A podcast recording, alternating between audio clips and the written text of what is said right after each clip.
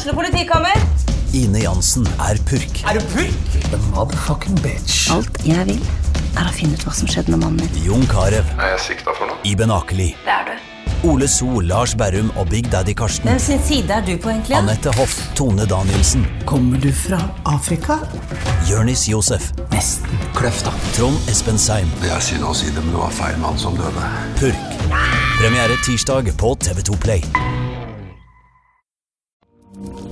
Dette er verdens lengste TV-intervju.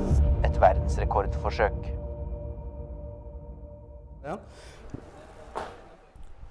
Da kan vi ønske velkommen til glassburet utafor Lillestrøm kultursenter. Her sitter jeg. Jeg har med meg deg, eh, Simon eh, Mesfin. Og her skal vi bli sittende en stund. Det skal vi. Det blir hyggelig, det.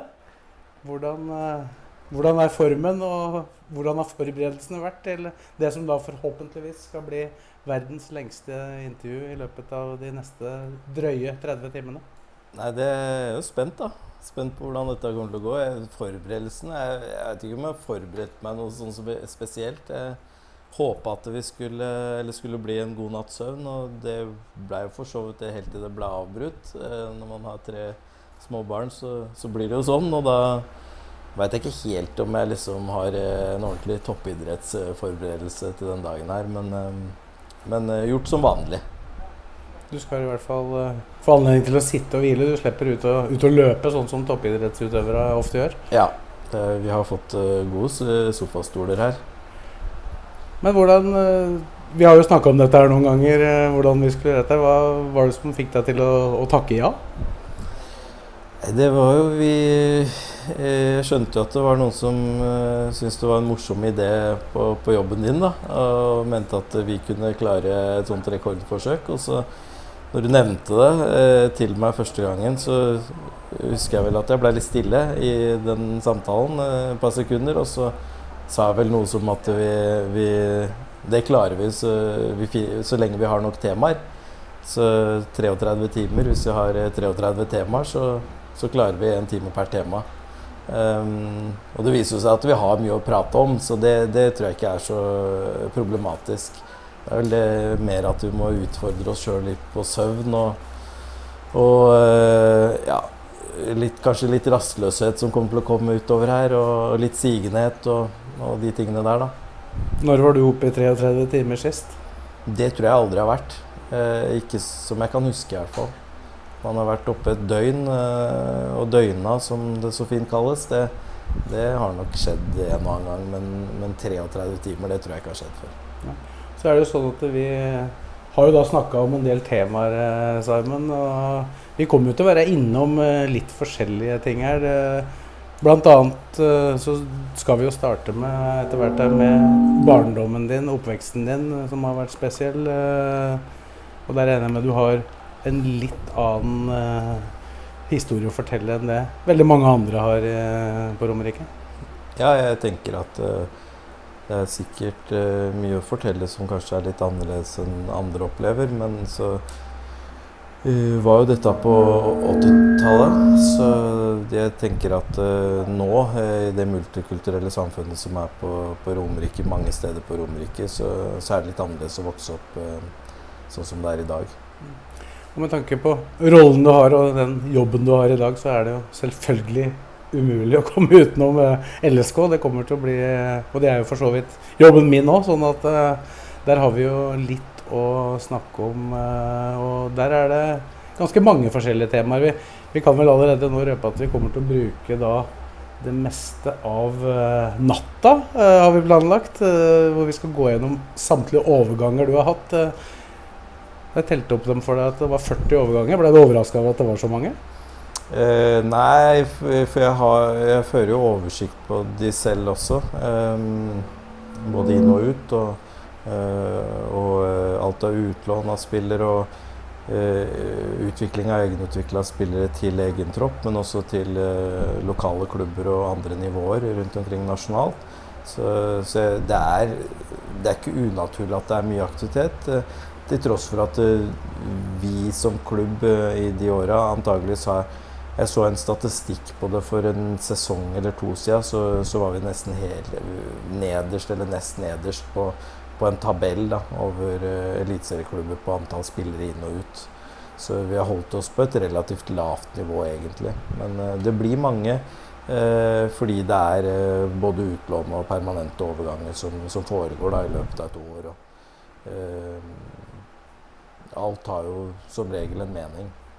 Og så er det jo Det har jo skjedd ganske mye på de fem åra du da har vært sportssjef. Du har vært med å vinne cupfinalen, mm. og du har vært med på et nedrykk og et opprykk. Og to trenere har vel også sågar fått sparken i den tida du har vært sportssjef. Så det er jo, er jo litt å være innom i løpet av disse timene. Hvordan, hvor, hvor, åpen vil du være på ting som er litt tilbake i tid?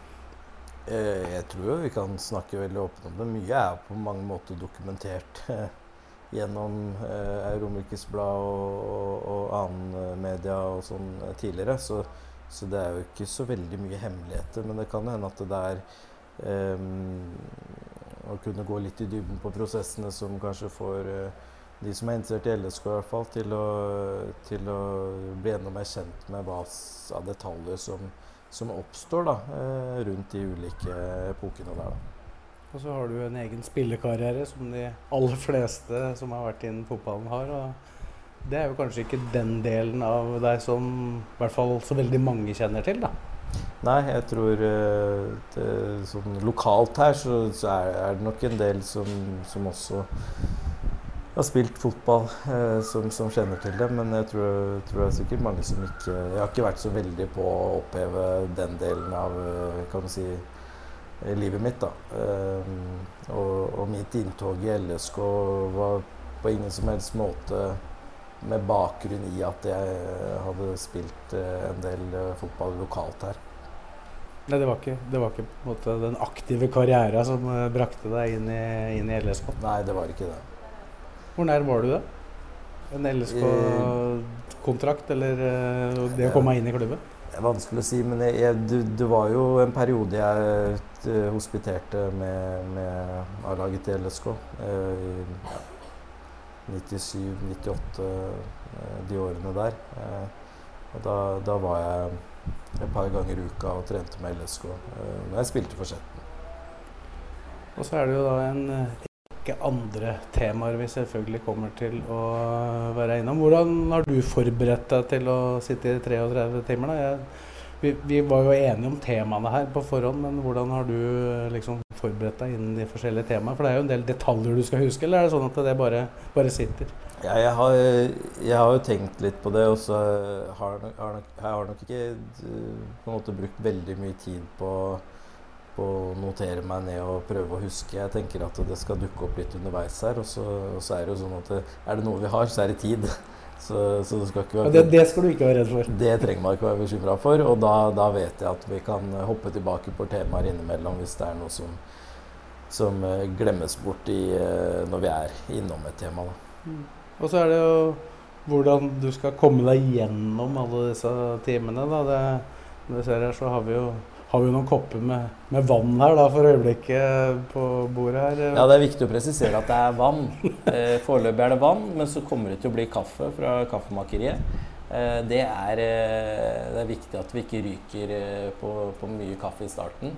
Men kaffen blir utrolig mye viktigere etter hvert, tror vi jo begge. Ja, hvor, hvor, jeg kan jo si litt om at jeg, og det vet jo de fleste som kjenner meg, drikker ganske mye kaffe i løpet av uh, en dag. Den dagen her har ikke vi tenkt å drikke kaffe i det hele tatt. Hvorfor det? Det er jo eh, sånn at vi, vi må ikke få nedturen for tidlig her. Så, all den tid eh, jeg har fryktelig lyst på kaffe nå når jeg ser det kaffemakerilogoen og den koppen, så, så, er det sånn at vi, vi må nok vente litt på det. fordi eh, vi ikke skal møte på nedturen for tidlig. Så, men eh, vi må få den oppturen når vi trenger den oppturen, og den eh, klarer vi oss gjennom natta. Det kan jo hende vi ikke klarer det, men eh, jeg skal jo snakke for meg sjøl. Det kan hende jeg ryker før natta er omme, men, men eh, hvis man klarer å holde det så lenge som mulig ut i intervjuet, så, så kan det være det som egentlig får oss på en eh, fin flyt. da. Utfordringen der er vel kanskje at du det er mye du ikke veit her? Ja, det, det, er klart. Så det, Du veit jo alt. Jeg, Nei, jeg, jeg vet ingenting om hvordan det er å, å holde et intervju gående i 33 timer. Nå skal det sies at vi kommer til å kunne rekke unna noen uh, små pauser her. Da. Vi får jo fem minutter pause i hver time. Så, men vi har tenkt å holde på en stund uh, til for å snakke litt om, om uh, temaene ellers. Altså, det er jo mye rundt din jobb som på en måte ikke hvermannsen på en måte er inne i. Der skal vi jo gå ganske hardt i den. Både hvordan du blei sportssjef, eh, hvorfor du blei det, hva du kunne ha blitt hvis du ikke blei det osv. Men uh, hva var det som på en måte trigga deg til For å ta en liten teaser på det, da, hva, var det som trigga deg der? At det var det du ønska? Uh, å bli sportssjef? Ja, for fotball ja, ville du jo ja, sikkert jobbe med. Det ville jo veldig mange. Nei, altså, det var aldri mm, Jeg har aldri på en måte tenkt at sportssjef er noe jeg har lyst til å bli, fordi det er For det første så er det veldig snevert. Det er, det er en per i dag kanskje en 13 av 16 klubber uh, som har sportssjefstillinger. Og, og, noen av de stillingene også er, vil jeg si at eh, kanskje har tittelen, men kanskje ikke mandatet.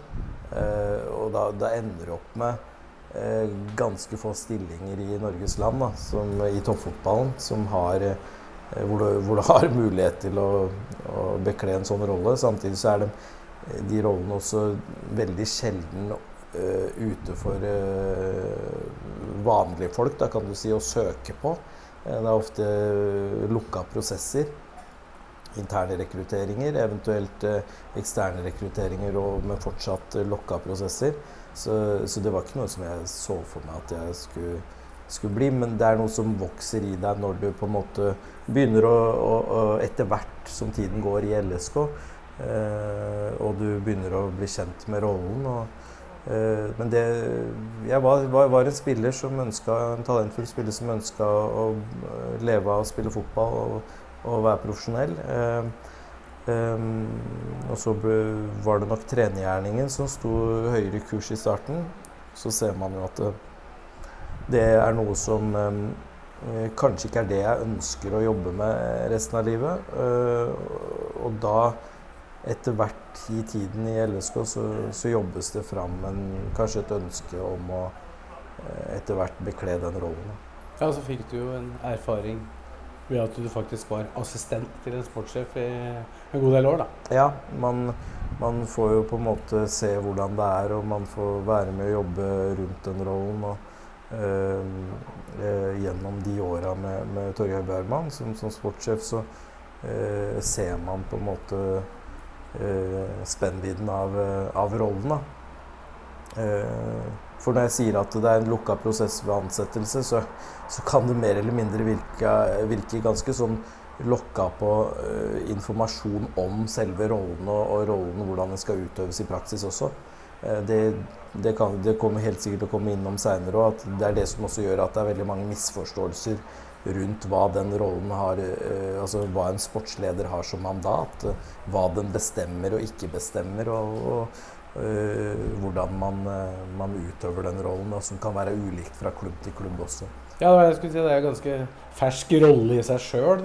Mm. Altså, går vi veldig langt tilbake i tid, så var vel var det en rolle som het oppmann. Og det var vel en blanding av det som i dag er eh, sportssjef, og det som eh, er materialforvalter, egentlig. For jeg hadde mange av de elementene i seg. Så det er noe som har dukka opp over tid. Ja. Og veldig ulikt fra klubb til klubb. Da. Men den måten du har det på i LSK, det, hvordan opplever du den kontra det andre har? Altså på innholdet? Det er jo eh, altså Jeg veit jo selvfølgelig best hvordan de har det i LSK, og så, og så får man jo gjennom eh, dialog og samtaler og erfaringer med andre klubber eh, innsyn i hvordan andre klubber gjør det. Og det, I LSK så er det sånn at eh, en sportslig leder, og jeg som sportsleder, har det overordna sportslige ansvaret eh, for eh, drifta rundt sportslig avdeling. Og i sportslig avdeling så er det to enheter. Det er eh, A-laget, og så er det akademiet. Eh, og så har vi en tredje altså en, en avdeling til som, som, er breddeavdelingen. Men den er tufta på breddeprinsippene og, og, at alle skal med, og, og, at vi skal skape aktivitet for alle. Og den den driftes i stor grad av eh, et breddestyre, eller et breddeutvalg, eh, og nå en nyansatt eh, administrativ leder i, i Tina. Som, og, det er nye Tina, ikke gamle Tina. Tina Grønlund har jo vært leder for breddeutvalget i mange mange år. Sitter nå i hovedstyret. Men hvis vi skal peile oss inn på det jeg har ansvaret for, så er det sportslig avdeling eh, som inkluderer akademi og, og A-laget. Og akademi er Eh, altså elitedelen av klubben? Elitedelen av klubben. Og akademi er eh, der vi skal utvikle spillere for å eh, god gode nok for A-laget. Og det, det, det akademiet starter når, vi 13 år, når, gutta er 13 år, og, og opp til 19 år. Og, og, der er det Tony Ordina som er akademisjef, og, eh, som, som, styrer dag til dag der. Hvor jeg samtaler eh, hver eneste dag med han om, om ting som skjer eh, rundt akademisatsinga. Han har en veldig fin stab der med, med trenere, spilleutviklere, hovedtrenere, som, som, trener de respektive lagene. Og så har vi A-laget, som de aller fleste kjenner til, fordi oppmerksomheten rundt A-laget er jo mye større i det daglige. Eh, og fra helg til helg, hvor, hvor Geir Bakke sammen med Petter Myhre styrer dette her med, med A-laget, og sammen med et støtteapparat på, på, på flere mennesker og en, en spiller, profesjonell spillertropp. Så det er, det er, ganske mange mennesker i sving i en sportslig avdeling totalt sett. da. Hvor mye har du med breddedelen av klubben å gjøre i løpet av et år? Det, det er jo ikke til å stikke under en stol at man blir involvert i noen saker. Eh, men i utgangspunktet så, eh, så er det breddeutvalget og, og administrativ leder eh, Bredde som, som styrer den avdelinga på en god måte. Og, men, men, det er innimellom saker som på en måte går i hverandre, f.eks. mellom bredde og akademiet, eh, hvor, hvor, jeg kan bli involvert. Eller så er det Tony Olinas og akademiet som eh, ledelsen der som blir involvert. Men du blir eh, Da det er ganske mye aktivitet totalt sett, så er, går dette i hverandre innimellom. hvor det er hvor disse grensegang, den grensegangen mellom avdelingene ikke blir så synlig akkurat i de tilfellene. Hvem er det du rapporterer til? Jeg rapporterer til, til Robert Lauritzen. Og i utgangspunkt så rapporterer jeg også til, um, til i styremøtet hver eneste måned. Så det er, det er, det som er din forbindelse, og så har du alle de andre du snakka her, de er da rapporterer til deg. Mm. Ja, vi skal sikkert komme veldig mye mer inn på sportssjefsjobben og din vei dit etter, eh, etter hvert. Men uh, det er vel bare å kaste seg ut i de temaene vi har eh, lagt opp til. Så det, får vi se om vi klarer å følge den planen, eh, Simon. Vi har jo planlagt å starte med det første. Oppveksten, barndommen din på Romerike og den bakgrunnen du har. Du kan jo fortelle litt om bakgrunnen din, og sikkert noen som leste intervjuet med deg i Romerikes Blad nå denne helga her, hvor foreldrene dine også fortalte litt om, eh, om uh, veien hit du har kommet nå. Mm. Uh, du kan jo starte der med å fortelle hvordan de kom til Norge, og, og hvorfor. De, de, kom jo til Norge mm, på, på tidlig 70-tallet uh, fra, fra, et land som heter Eritrea helt øst i Afrika, eh, ved Rødehavet, eh, er det plassert. Eh, de kom jo av den grunnen at det var krig mellom Eritrea og Etiopia i over 30 år. Så det blei jo på en måte Den krigen ble vel avblåst i 1992. Da var jeg tolv år. Så, så, den varte jo lenge etter at de flykta landet. Hvorfor de havna i Norge, det, det, det, vet jeg faktisk ikke. Det, jeg tror det var litt tilfeldig. Eh, men det skjedde jo. Og da, da, bosatte de seg i Sagdalen. Det var jo eh, Husker jeg ikke veldig mye med Jeg husker noe.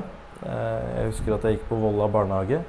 Begynte i barnehagen. Jeg husker at jeg hadde fantastisk eh, barnehagetanter der. Men det var spesielt ei som har blitt nevnt også i i den artikkelen uh, av både meg og moren min, uh, Sissel Aamodt, som, som, var uh, utrolig behjelpelig.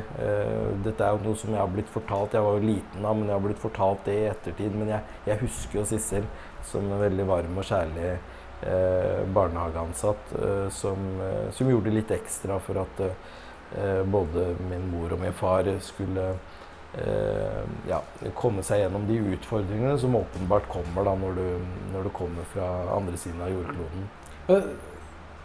Den vokste jo opp, eller Du vokste jo opp her, men du, for du var aldri med på den ferden. Var, du ble født etter at de kom til Norge, hvis jeg ja. det riktig? Ja, jeg ble født uh, på, i 1980. Uh, og ble født på Ahus når vi var bosatt på Sagdalen. Så, de første minnene dine, er de fra barnehageåra, eller husker du noe før det? Jeg husker ikke så mye før det. Det er, det er vagt, men jeg husker jo husker jo mye om på en måte altså det, det, jeg husker mest om oppveksten, var fotballen og det som skjedde der fra etter at du begynte på skolen. Og vi flytta opp til Skjettenbyen eh, i Tårnbyveien når, når, jeg skulle begynne på førskolen, som det da het. Eh, og da derifra ut så bodde vi på Skjetten eh, gjennom hele oppveksten min. Og, og, og da kom jeg i befatning med Skjetten sportsklubb også, som vi sikkert skal prate om seinere. Men, men vi er en liten familie med, med, meg og moren og faren min og søstera mi da. Og, ja, hun ble født hun, åtte år etter deg? Åtte år etter. Og det var jo sånn at vi, vi, har jo hatt større familie enn det, men, men veldig, alle har jo vært spredd rundt om i verden. Italia, USA, eh, Tyskland osv. Så, videre. så Så å ha eh, slektstreff det har vært ganske sånn utfordrende. Jeg har møtt en, en del av slekta mi, men det har vært på rundreiser rundt omkring. da. Eh, man har liksom aldri klart å samle alle. Så, ja, hvorfor var det sånn at uh, hele slekta måtte flykte på den uh, tida? Mora og faren ja, din flykta? Ja, jeg tror nok de som flykta, opplevde at det, det, var den beste muligheten men, eh, for dem. Men jeg tror også de tenkte mye på når man skal stifte familie, at man, man ønsker å ha trygge omgivelser for ungene sine. Og, og, at det var liksom hovedgrunnen. da. Eh, for, for, jeg tror nok at Eh, det er en helt annen verden, og det var en helt annen verden der. En, eh, og mulighetene som er her eh, i, i, Vesten og i, i Norden. Det er, det er, noe helt annet. Så. Men Hva har de fortalt deg om hvordan det var å komme til Norge på den tida, for dem som da kom fra et uh, afrikansk land? Hva sa du? Hvordan, hvordan, var har de fortalt deg om opplevelsen av å komme til Norge? Ja, de har jo fortalt en god del, men det er, det er på en måte um, jeg, altså sånn Gjennom oppveksten min, så, altså når, blitt, når, jeg, når, jeg, har blitt eldre, så, så har vi prata en del om det. Men i, gjennom oppveksten min så prata vi ikke så mye om det. Eh, fordi de var opptatt av at eh, vi skulle være norske. De var opptatt av at Eh, man skulle se framover. De var opptatt av at eh, jeg og søstera mi skulle ha de beste mulighetene for å få et godt liv.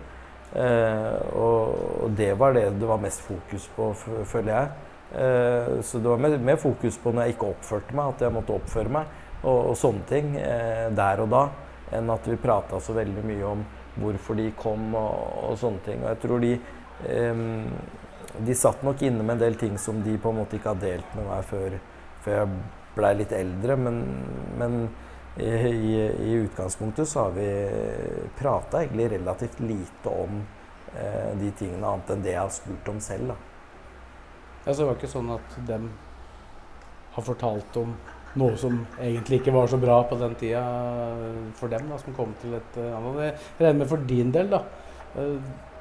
Når tenkte du første gangen på at du hadde en annen bakgrunn enn enn noen av de du i hvert fall uh, gikk på skolen med, eller var i barnehagen med? Ja, man, man hører jo uh, Eller man, man, man, kjenner jo det tidlig. Altså, for det første så ser man det uh, når man ser seg sjøl i speilet når man er liten. Og, og, man ser andre, og så ser man forskjellen. For det var jo, det var jo ikke så mange med utenlandsk opprinnelse som, som var i Volla barnehage, f.eks., eller som etter hvert, når er så, er så liten at du går i barnehagen, så er du kanskje ikke var jeg ikke så opptatt og tenkte på de tingene. Men når du begynner på skolen og du blir eldre, eh, eh, gjerne i slutten av barneskolen og eh, starten av ungdomsskolen, så, så, begynner det der å komme. Eh, om at man er eh, ser annerledes ut, og, og, og, har foreldre som ser annerledes ut, og, og, som har en annen kultur og en annen forståelse på visse ting, som gjør at man eh, selvfølgelig tenker på det. Og, og det var sikkert det som gjorde at jeg av en eller annen grunn valgte å, å ha nynorsk. Eh, når jeg kunne velge mellom morsmål og nynorsk, så valgte jeg å ha nynorsk. Eh, for ikke Ja, For du kunne hatt ditt eget uh, morsmål hvis du ønska ja, det? Ja, og få karakter på det. Eller så kunne du ha nynorsk sånn som de andre. Og det, det er jo det tilbudet som, som, myndighetene legger til rette for folk som er flerspråklige. Da, og kommer fra flerspråklig kultur. Men hva, hva, hva slags språk snakka dere hjemme, da? Eh, hvis, altså norsk eh, i utgangspunktet. Og så er det, det er klart at eritreisk Eritrea er en tidligere italiensk koloni. Eh, så, så foreldrene mine kan jo italiensk. Og eh, de, de, er, de, er, jo oppvokst med italiensk på skolen. Eh, og eritreisk, eller tigrinja, som, som språket heter, er influert av italiensk. Så det, det, det er noe bannskap på italiensk, og så er det, var det noe eritreisk, og så, og så, er det i stor grad norsk. Men, men innimellom så når, eh, For sånn er det når, du, når, har, når foreldrene dine har et annet språk som hovedspråk, så er det jo selvfølgelig i noen tilfeller sånn at eh, det er lettere for dem å prate eritreisk. Og jeg hadde morsmål fra jeg gikk i tredje klasse, tror jeg, til, til jeg gikk i åttende klasse. Så, så jeg, jeg, lærte meg å skrive, jeg lærte meg å snakke. Øh, men jeg har ikke praktisert i voksen alder, som har gjort at jeg har mista skriftspråket mitt, og jeg har mista mye av talespråket mitt, men jeg skjønner alt. Så, så det å At de kunne innimellom prate på, på eritreisk, eller tigrinja eh, når, når det var noen diskusjoner, hvor det var enklere å finne orda, det, det har jo selvfølgelig hendt mang en gang, men Men, eh, men de var allerede såpass gode i norsk at de begynte å snakke norsk med deg hjemme, da? Ja. Så, og da, da, da, i utgangspunktet så var uh, førstespråk hjemme var norsk. Mm. Mm. Er det noe du skulle ønske at var annerledes? At du hadde på en måte ikke valgt nynorsk, da, som du sa? Jeg hadde, eh, hadde vært nå, så hadde jeg nok valgt uh, morsmål. Å ha morsmålet og fortsette med morsmålet for å opprettholde kunnskapen. Da. Men, eh, gjort er gjort, på en måte. Uh, jeg er veldig glad for at foreldrene mine har fokusert på at vi skal liksom leve etter den norske kulturen og det norske språket. Og det er jo på en måte det som også gjør at du får et vokabulær da, for, for voksen alder og til bruk i, i, jobbsammenheng og alle andre sammenhenger hvor man ferdes ute. Ja, Vi kommer sikkert inn på det litt seinere når det gjelder integrering og sånn, men eh, hva betydde det for deg at du hadde foreldre som var veldig opptatt av eh, det? Det betydde veldig mye. Det egentlig alt. Fordi mm, du, du får bedre forutsetninger for å lykkes da, i, i, i, det landet man skal bo i da, resten av livet. Så det, de, de, har ofra bort mye. Det, man må huske på at de ofrer på et eller annet tidspunkt bort sin egen kultur eh, mot eh, den norske kulturen. Og så kan man på mange måter si at vi, vi kommer fra en kristen kultur som gjør at det, det, den religionsdiskusjonen har aldri vært hjemme hos oss, eh, med tanke på at eh, vi, vi f.eks. ikke har en annen religion enn det på en måte statskirken står for. da kan du si. Men For det, det, kan jo det kan være en, en, tilleggsutfordring når man snakker om integrering. Eh, men vi har fulgt liksom de, de nasjonale høytidene, kan du si, som, så, og, og, jul og julaften og alt det der, og, og påsken, så, som gjør at det er enklere å liksom følge den kalenderen som, som, er her. Til tross for at kalenderen i Eritrea er én uke etter Okay. Ja, så Når julaften er her, så er det en uke til julaften der. Eh, osv. Det er jo bonus, da, for det Ja. betyr julaften to ganger, det. da. Nettopp. så det, det, det er ålreit. eh, Men eh, det, det har vært alfa og mega for meg med tanke på at de har lagt til rette for, og de har ofra bort sin kultur. Og for at jeg og søstera mi skal kunne føle oss så norske som mulig. Og, og vi, er, vi føler oss norske, selvfølgelig. Vi er født i Norge. Men det er jo en tid når du vokser opp når du er skjør, både som barn og ung, eh, ungdom, eh, hvor, hvor du trenger at eh, Og det er faktisk sånn at eh, foreldra dine må ta valg for deg. Og da har jo de tatt valg som ha- har eh, kommet oss til fordel, og, og innimellom gjort at de må ta, ta avstand fra sin kultur. eh, og det de har lært, og det de har på en måte oppvokst med. Det, det kan handle om eh, måter å håndtere ting på. Det kan handle om, om eh, veldig mye forskjellig som skjer i hverdagen, som de på mange måter uh, satte seg sjøl inn i å tenke hvordan er det i Norge, kontra hvordan er det i Eritrea. da. Har du noen eksempler på det? Jeg kommer ikke på noen nå, men vi har vel tid, så jeg vi kommer vel på noe etter hvert. Men det, det, det, kan, være, det kan være måter å, å tenke på som Og, og det, er klart at det, noen ganger så har det jo vært sånn at vi har hatt diskusjoner Jeg har veldig sjelden krangla med foreldrene mine, men vi har hatt noen diskusjoner opp igjennom. Og da Jeg tror at en av de fremste egenskapene jeg har fått gjennom uh, å ha kommet komme fra en flerkulturell familie, er jo at du lærer deg på en måte å være tålmodig og lærer deg å forstå. for det er noe som kalles loss in translation'. Og det, det handler ikke bare om ord, men det handler om kulturell, kulturelle misforståelser, f.eks. Eh, som går i at hvis du er oppvokst på andre sida av jordkloden og jeg er oppvokst her, og vi møter hverandre, så kan det hende at vi har ulik oppfatning av ulike situasjoner i større grad enn en, en noen som er født på samme sted og oppvokst på samme sted. Nå kan, skal det sies at vi har nok ulike oppfatninger som bergensere, vi, da. Så Bergenserne har jo ulik oppfatning av alt. ikke sant? Så det, så det skjer jo innenlands òg. Men um, jeg tenker at uh, den, den utfordringa der, eh, hvor man ikke finner de rette ordene, hvor man ikke finner eh, For det er noen ord som ikke finnes. Altså I det eritreiske språket så er det noen ord som ikke finnes i oversettelsen til norsk. Eh, og da må man på en måte finne en, en eller annen felles plattform hvor man skaper den forståelsen på. Det, det har jeg lært meg gjennom eh, å på en måte stå i det selv, da, sammen med, med foreldrene mine. Eh, hvor vi ikke alltid har eh, eh, funnet de rette ordene som skal treffe hverandre på, på oversettelse av forståelse i en gitt situasjon, da, hvis man kan si det sånn.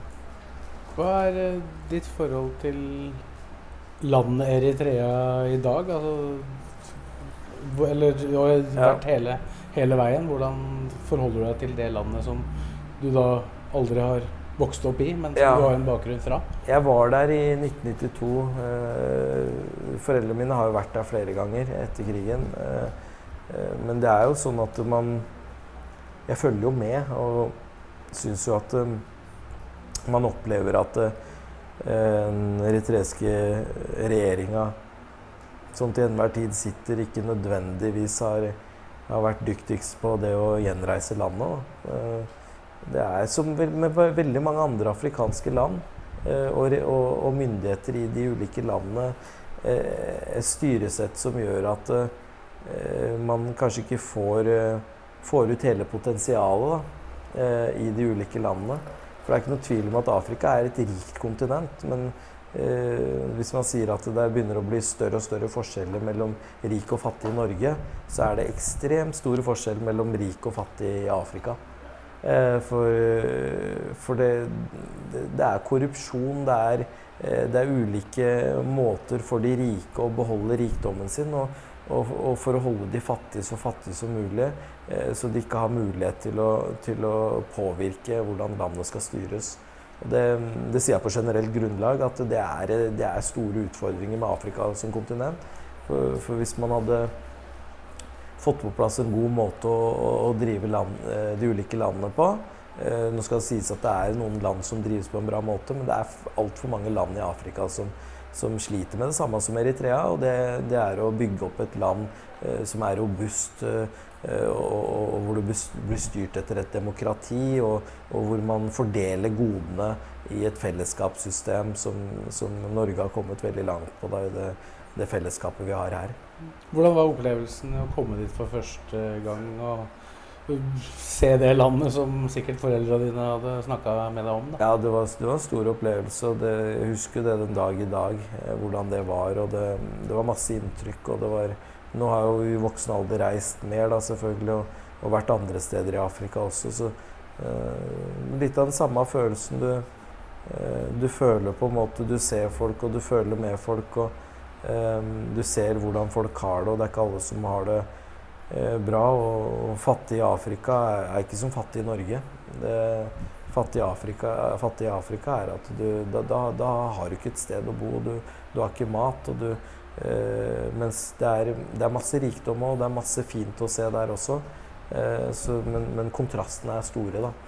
Um, det jeg husker best, var at det var veldig lett å, å bli kjent med, med gjengamle barn. og Altså Fotball er universal, så, så, jeg hadde jo med meg noen fotballer og spilte fotball til natta lang der også, som jeg gjorde eh, på Skjetten på den tida.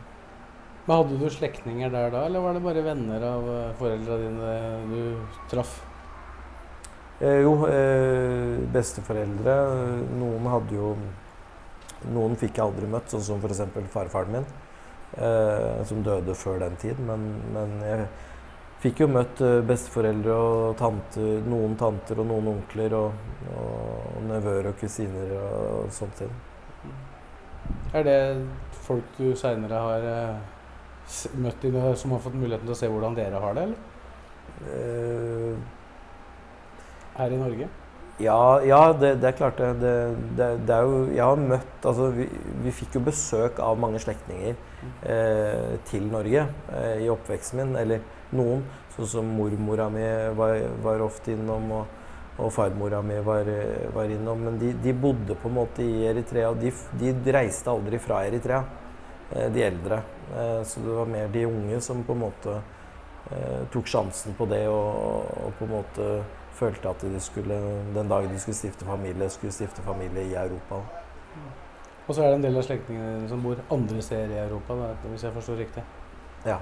Det, det er eh, for så vidt vært vant til at de er spredd overalt. Det er sånn nesten at det er uoversiktlig innimellom eh, hvor de er hen. Men eh, det er, det er, Alle har liksom tenkt på å finne seg et trygt sted og, og stifte familie. Og, og, hvor det er trygt at barna kan vokse opp. Hva tenker du om eh, det valget foreldra dine gjorde, da? At du havna her? Jeg er jo veldig glad for det. Ekstremt glad for det. Og det er derfor jeg sier at de, det de har gjort for meg og søstera mi, er jo egentlig eh, maks av det du på en måte kan håpe på at uh, foreldre kan gjøre for barna sine. Uh, legge til rette for at vi, vi har fått det livet vi Og de mulighetene. Og så det, har det vært opp til oss å ta de mulighetene, og der har det ikke vært noe skjære mor.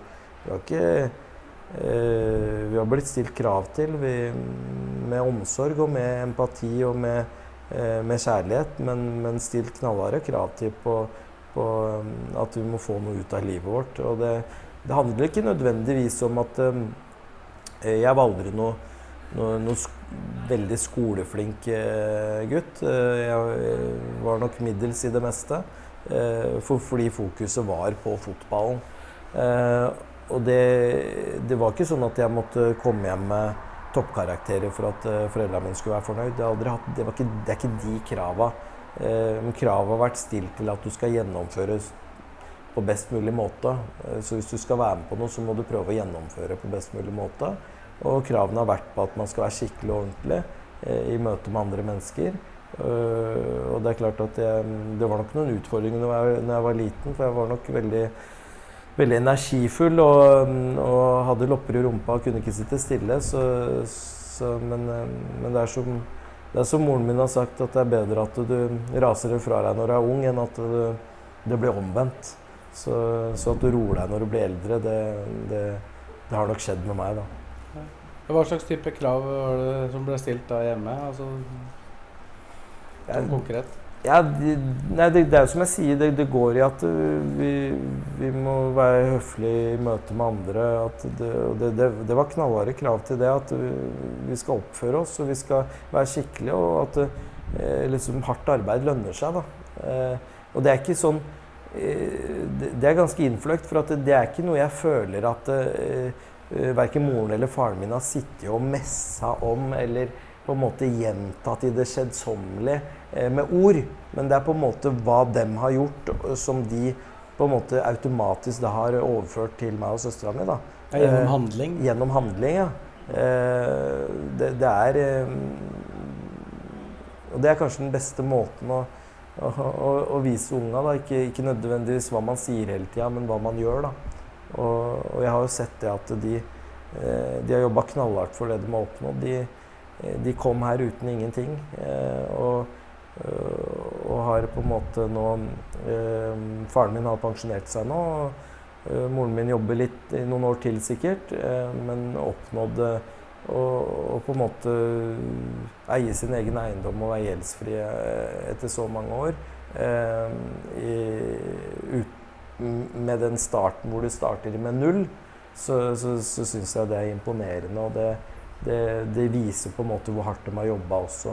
eh, Ja, for de kom hit uten utdannelse i spesiell grad. Og de- var ja. ikke innen en bestemt uh, yrkesvalg. Nei, og det, og det var å på en måte starte på bånn.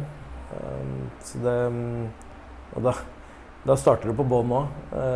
I, i 80-talls, 70-talls, unnskyld, eh, Norge. eh, hvor, eh, hvor Norge ikke er så multikulturelt da som det er nå. Så, så starter du på bånn, og du, du starter i yrker hvor, i serviceyrker hvor man, man uh, må få tak i jobb. Og det, det klarte de. Og, og etter det så tenker jeg at de har, eh, har bygd seg på sin måte, som gjør at de har kunnet gi det beste til sin familie og sine barn, og det, det er jeg veldig glad for. Og så er det da oppveksten din, da, som i hvert fall i all hovedsak eh, skjedde da på Skjetten, hvis jeg forstår riktig. For dere flytta dit når du liksom kom inn i skole, skolemodus. Eh, hvordan var møtet med norsk skole for en uh, ung Simon Wesley? Ja, det var jo mm, Jeg var mest opptatt av å spille fotball. så, jeg husker ikke så mye fra liksom, de første, første årene på skolen. Eh, annet enn at det var, eh, det var om å gjøre å komme seg ut i friminuttene og, og ta et mål, som vi kalte det. Holde et mål. Og da var det Da var det jo Klarte du som, eh, som klassemedlem å, å holde et mål, så holdt du et mål til hele klassen. ikke sant? Det, det var, for det var jo begrensa med mål på den banen. Så det var det som var Det er det jeg husker best fra de første årene. Og så eh, vokser man jo opp på Skjetten som etter hvert i starten ikke var så multikulturelt, men etter hvert blir multi, mer multikulturelt. Da, hvor det, hvor det mm, er, eh, etter min mening, lite forskjell mellom de som har mye og de som har lite. Eh, man opplever i hvert fall det som barn, at det er, alle er relativt like. og eh, vi, vi, har det, vi har det bra sammen. Da. Både på skolen og, og i friminuttene og, og når vi spiller fotball eh, for Skjetten. Opplevde du at du på en måte ble sett på som en av en i gjengen eh, helt fra starten av, eller var det noen situasjoner som du har tenkt på i etterkant som eh, ikke var så greie? Ja, nei, altså Jeg føler jo um, det, det, det er både òg, vet du, fordi eh, relativt tidlig så, så ble jeg involvert i, i Skjetten sportsklubb, som gjør at du eh, gjennom å være god i å spille fotball eh, og mestrer det, så, så på en måte får du, får du en respekt på den måten. Men, eh, men allikevel så var det sånn at eh, i barneåra husker jeg også det var en del episoder hvor man eh, lekte i gata og og, og jeg skal ærlig innrømme at jeg var ekstremt aktiv og eh, til dels eh, overaktiv eh, og, og oversosial. Så, så det er klart at eh, for, for noen så, så var det sikkert eh, vanskelig å håndtere det. eh, Eh, Så det var noen foreldre som eh, gjerne ikke ville at jeg skulle leke med ungene deres. Men eh, jeg overhørte jo eh, en og annen gang at det var fordi jeg var mørkhuda, ikke fordi, ikke fordi jeg var eh, overaktiv. Så det, det var noen sånne episoder som, eh, som jeg husker, men ellers så, så var det eh, etter hvert det du på en måte også velger å huske da, mest. Det er jo det alle de vennene og de vennskapene man får gjennom å, å være en del av Skjetten sportsklubb. Da. Jeg tror det hjalp seg, at du antageligvis var litt over middels god til å spille fotball også, da. Ja, absolutt. Det, det gjorde det. Og, eh, fordi det å, å være god til noe i, lokale, i den lokale klubben gjorde at man eh, for det første fikk eh, respekt fra de som var eldre enn deg. Eh, men du fikk også respekt de, fra de som var yngre enn deg. Og, og, og du på en måte eh, ja, fikk, fikk respekt da, på en helt annen måte. Og du, du fikk en lettere inngang til det å f.eks. være annerledes enn andre av utseende. Hvordan reagerte du når du på en måte overhørte den type bemerkninger fra foreldre da, som helst ikke ville at ungene deres skulle leke med deg? Ja, man blir jo lei seg. Det blir man jo fordi man eh, Det det skal ikke være nødvendig at barn skal på en måte overhøre sånne ting, men eh, det var innimellom jeg overhørte, og andre ganger så var det liksom helt eh, rett fram. Hverdagsrasisme. Som, eh, som var meninga at jeg skulle høre. Så eh, og du, du har lite å forsvare deg med, og, og det er klart at når du gjenforteller det, så Eh, så er det ikke alle voksne som tror på deg. Og det, og det å håndtere rasisme på den tida, det tror jeg ikke Det, det lå ikke noe verktøykasse, det, altså. På, på lik linje som det gjør nå. Hvordan, Så- hvordan takla du det? Altså, du ble selvfølgelig lei deg, men altså, stengte du deg mer inne, eller eh, klarte du å Ja, fotball var jo liksom løsninga da. Du, du hadde alltid fotballtreninga eller fotballkampen å glede deg til. Og, og det var liksom Der var det eh, Der kunne det også hende episoder som dessverre eh, skjedde når man reiste litt mer i utkanten av, eh, av Romerike, da, kan du si. Eh, var man her i, på Nedre, så, så skjedde det aldri noe. Men reiser man litt utover, så var det dessverre sånn at uh, litt ut på landet så, så kom det fort noen gloser. Så det, det kom jo Det var en periode det Jeg husker at det, det gjentok seg litt for ofte uh, gjennom fotballen også. Som gjorde at fristedet var jo fotballen fra alt det andre, og så skjer i fotballen, og så, så opplever du liksom at du plutselig ikke har noe fristed. da. Eh, det var ganske tungt, men eh, man kom seg jo gjennom det. Ja, hvordan kom du deg gjennom det, på en måte? Det er vanskelig å si. Man, eh, man vokser opp, og så begynner man å forstå liksom mer, og man begynner å bli mer robust. Men det, der og da så øh, vet ikke om jeg håndterte det, på en måte. Man var det noe kanskje- du snakka med foreldra dine om, eller var det noe du egentlig Ja, ja, det hendte jo det. Og så var det jo sånn at eh, de, de prøvde å gjøre meg robuste til å på en måte Ikke akseptere det, men noen ganger så var det jo sånn at det ble konfrontert og hvis det var med noen foreldre eller noe sånt noe. Men mens andre ganger så, så var det liksom Jeg forstår jo for dem og vanskelig å liksom eh, vite hva skjedde da, og når det skjedde, og hvem sa hva. Det var Men jeg husker én episode så husker jeg veldig veldig godt, og det var eh, eh, Jan Kristiansen, en dansk trener som jeg hadde fra jeg starta å spille fotball til langt, eh, eh, et godt stykke opp i tenårene. Han eh, eh, Jeg fortalte han i en pause i en eh, var lilleguttkamp, tror vi var Vi spilte på sjuerbane, så kanskje vi var ti år eller noe sånt. Ti-elleve år.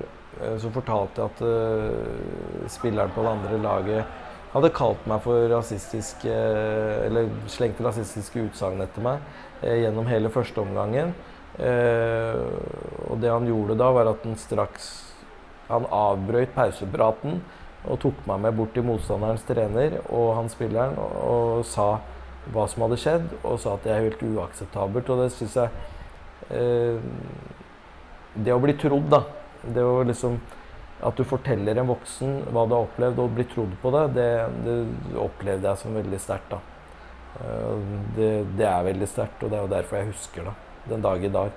Eh, men det var ikke alltid at ting kunne oppklares på den måten. Så det å gjøre seg sjøl robust gjorde man vel kanskje med å prøve å fortrenge det der og da. Jeg vil jo tro at det hjalp da i den andre omgangen at det hadde en effekt. da. Ja, jeg skåret noen mål da. Ja. Du hadde ikke skåra i første, altså? Eh, nei, det var litt sånn som Haaland i går. Eh, det, det, skapte fyr i meg. Det gjorde det.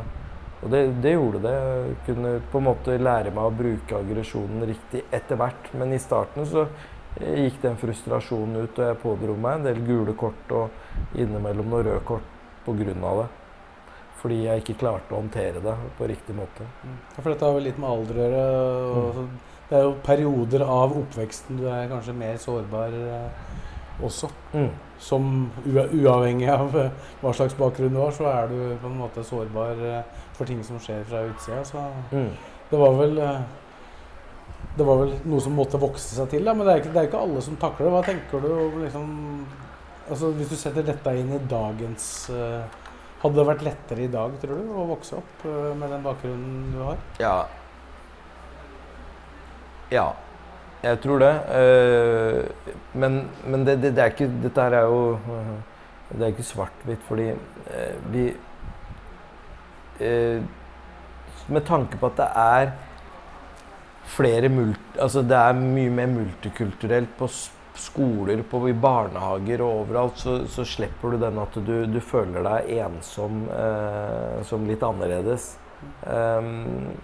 Men så er det jo sånn at eh, det folk har eh, inne med, med, rasisme og sånne ting, det, det, skjer jo fortsatt en dag i dag. Så det, det, det er ikke noe nødvendigvis enklere å oppleve det allikevel. Men, eh, men jeg tror at det er et litt sånn lettere utgangspunkt i at det er flere eh, skoler og barnehager og eh, arbeidsplasser ikke minst som er multikulturelle nå i Norge enn det var da på 70-, 80-, 90-tallet. Ja, hvordan var det i skoleklassa di f.eks.? Hvor, hvor mange var det som hadde en annen bakgrunn enn en vanlig norsk? Det blei ble etter hvert uh, mange, men, men, i starten så, så, var det jo svært, svært få. Uh, det var bare meg og et par andre, liksom. Ble det sånn at dere da hang sammen på en måte? Ikke skal ikke si mot de andre, men at det ble litt sånn forsvarsmekanisme? eller? Eh, nei, ikke nødvendigvis. Jeg opplevde ikke det. Jeg hadde jo på en måte jeg kan jo si norske venner og så, sånt. så det var ikke sånn at jeg eh, Dette er jo noe som vokser i etter hvert. For når, når, du er yngre, altså når du begynner i første klasse, og sånne ting, så, så tror jeg ikke man reflekterer så veldig mye over, over det. Det, det, er litt det som vokser inn etter hvert. da. Eh, når man går litt opp i, og, i klassetrinnene, at uh, du begynner å reflektere litt over at uh, du ser litt annerledes ut, og fa familien ser litt annerledes ut, osv. Ja, var det da noe du tok opp med foreldra dine og, og snakka med dem om, når du begynte å på en måte reflektere over det? det jeg kan ikke huske at du prata så mye om det spesifikt, men det var mer at man på en måte Det kunne være hendelser da, som man prata om. Mm. Mm. Du kom gjennom det, og det var eh... Ja, det sitter her en dag i dag, så det kan jo tenke at man uh, har kommet, kommet, seg gjennom det. Men det, det, sitter jo i, og det er jo sånne ting som man tenker på med tanke på barna sine. Jeg har jo tre barn og nå, og de, de har jo fått litt av fargen min, de òg. Så um, det er klart at man, man, tenker over hvordan det skal være. Og det, eh, når man opplever, opplever, rasisme i dag, så er det jo eller diskriminering med bakgrunn i, i hudfarge og religion og skjønn for så vidt og, og, sånne ting, så, så, oppleves jo det i dag også som det oppleves tidligere. Men det man blir mest skuffa over i dag, er at det, det er mye mer informasjon rundt det. Det er mye mer på en måte Eh, altså Man må ha levd under en stein i, i, i ti år eh, og ikke ha fått, eh, fått, med seg hva slags ord man ikke bør bruke osv. Og, og så kan man diskutere på en måte ord, ordenes betydning og hvor, hvor, sterke, hvor negativt lada de ordene er osv. Eh, men, men det, som, det har jo vært debattert at man og diskutert i, i, i, mange ulike settinger at man ikke skal bruke visse typer ord da, som beskriver mørkhuda mennesker, eller ikke bruke visse typer ord som beskriver eh, et, menneske, eh, et menneskes legning eh, osv. Men allikevel så er det noen som velger å gjøre det allikevel. Og da er det jo kanskje noen årsaker til det. Ja, selvfølgelig så, så er det noen som er oppvokst i en annen tid. altså Eh, våre eldste i samfunnet er jo oppvokst i en annen tid. Det kan hende det er vanskelig å legge bort eh, eller endre på ordforrådet. Eh, det må man kanskje ha respekt for, eh, mener jeg i hvert fall. Med, og, og, forståelse for. Men eh, når, når, relativt unge mennesker bruker ord som eh, vil si at de ikke er med i ordboka lenger, så, som ikke bør være med i ordboka lenger, så, så syns jeg det er spesielt nå, mye mer spesielt å høre det nå enn for 20 år siden. Da. Hvordan håndterer du det i dag, hvis du opplever det? Eh, nei, det er, det er, ulike måter å gjøre det på. For det første syns jeg det er eh, Jeg syns jo det er pinlig å, å, høre at folk diskriminerer. Eh, så noen ganger så kan man jo bli mer overrasket enn andre ganger, så det er jo ikke noen situasjon som er lik den like hverandre. Da. Men um, man prøver jo, prøver jo å handle rasjonelt. Da. Har du opplevd eh, noe av dette i nyere tid retta mot deg? Ja, man har jo opplevd noen episoder. Eh, det har man jo. Men jeg, jeg tenker jo at igjen, da, det, det er noen, noen, episoder som er sånn at man, man kan ikke på en måte Man må, man må akseptere at Eh, det er generasjoner her, og folk er oppvokst i ulike tidsepoker. Da. Eh, eh, og så er det liksom Våre eldre f.eks. har vanskelig med å endre ordforråd eller bruken av ordet og, og, og, hva de tenker ordets betydning er, da. Da og nå. Det, det ja, for et ord som på en måte var ufarlig ja. for 30 år siden, er nå farlig, da. På en ja. Det er nei-ord. Mm. Så det, det, er på en måte lettere å akseptere, det, så lenge du skjønner at det ikke er ondsinna ment, da, eller er det sånn jeg forstår det? Ja. Mm. Det bør man ha forståelse for. Hvordan gjør du dette i forhold til dine egne barn? Du, er de for små til at du har begynt å snakke med dem om eh, hva de kan komme til å oppleve, eller er det, hvordan forholder du deg til det? Ja, det er jo øh, det er, altså, vi, vi, prøver jo, både jeg og samboeren min øh, prøver jo om, å snakke om altså Hvis det er hendelser, så prøver vi å snakke om det. Men det er klart, de, de to yngste er jo små ennå. Øh, eller hun yngste i hvert fall er for liten ennå til å forstå. Eldstemann forstår mye nå. Men det jeg har vært mest opptatt av egentlig det siste året, er at vi bor jo i Lillestrøm, og, og LSK er en stor del av LSKs resultater er en stor del av LSK eh, og byen eh, Lillestrøm. Så, så, det er klart at eh, vi har jo snakka kanskje mer om det å eh, ikke bli lei seg hvis, eh, hvis, noen prater negativt om, om pappa på, på skolen. Mm. Eh, og da er, fordi, da er, det ikke fordi, at du ja. har den bakgrunnen du har, men fordi at du ja. er sportssjef i LSK? Ja. Så, men, eh, men det, det, hender jo. Det har vært noen episoder der også med, med eldstemann som eh, vi, vi, prøver å håndtere med å, å ta det opp med, med de det gjelder. Og så, og så, pleier det som regel å løse seg på en fin måte. Det er gjerne eh, barn i syv-åtteårsalderen. Det, det, det, er ikke alltid at det, de vet hva de sier, og hva ordet, ordene betyr. Da. Så. Men litt tilbake til din uh, oppvekst. Da. I skolesammenheng, uh, hvordan var det der? Altså, du, du, sier at du ikke husker så mye av det, for du ja. var ute og spilte fotball. Men sånn i, i, skolegården, så spilte du alltid fotball, eller var det sånn at det kunne være en del andre ting som dukka opp også? Ja, det, det dukka opp noen damer etter hvert, da. Men uh, var mest opptatt av, av å spille fotball. Det var, det var Eh, altså Gjellerås skole som jeg gikk på, var jo en skole som lå er den skolen som ligger rett ved Skjetten kunstgress. Eller det som etter hvert ble Skjetten kunstgress, men som, som, var en grusbane eh, tidligere da jeg vokste opp. Og det, da var det bane vegg i vegg med, med, skolen, og vi var ute der og spilte hele tiden.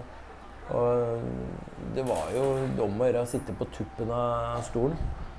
Um, I påvente at det skulle ringe ut, sånn at vi kunne løpe ut for å, for å spille fotball. Så det, det, er utrolig nok altså, at du, du husker jeg, jeg, kan huske alle friminuttene, men jeg husker ikke så mye fra timene. Hvis du skjønner. For det var jo det, det man Det var det som var gøyest.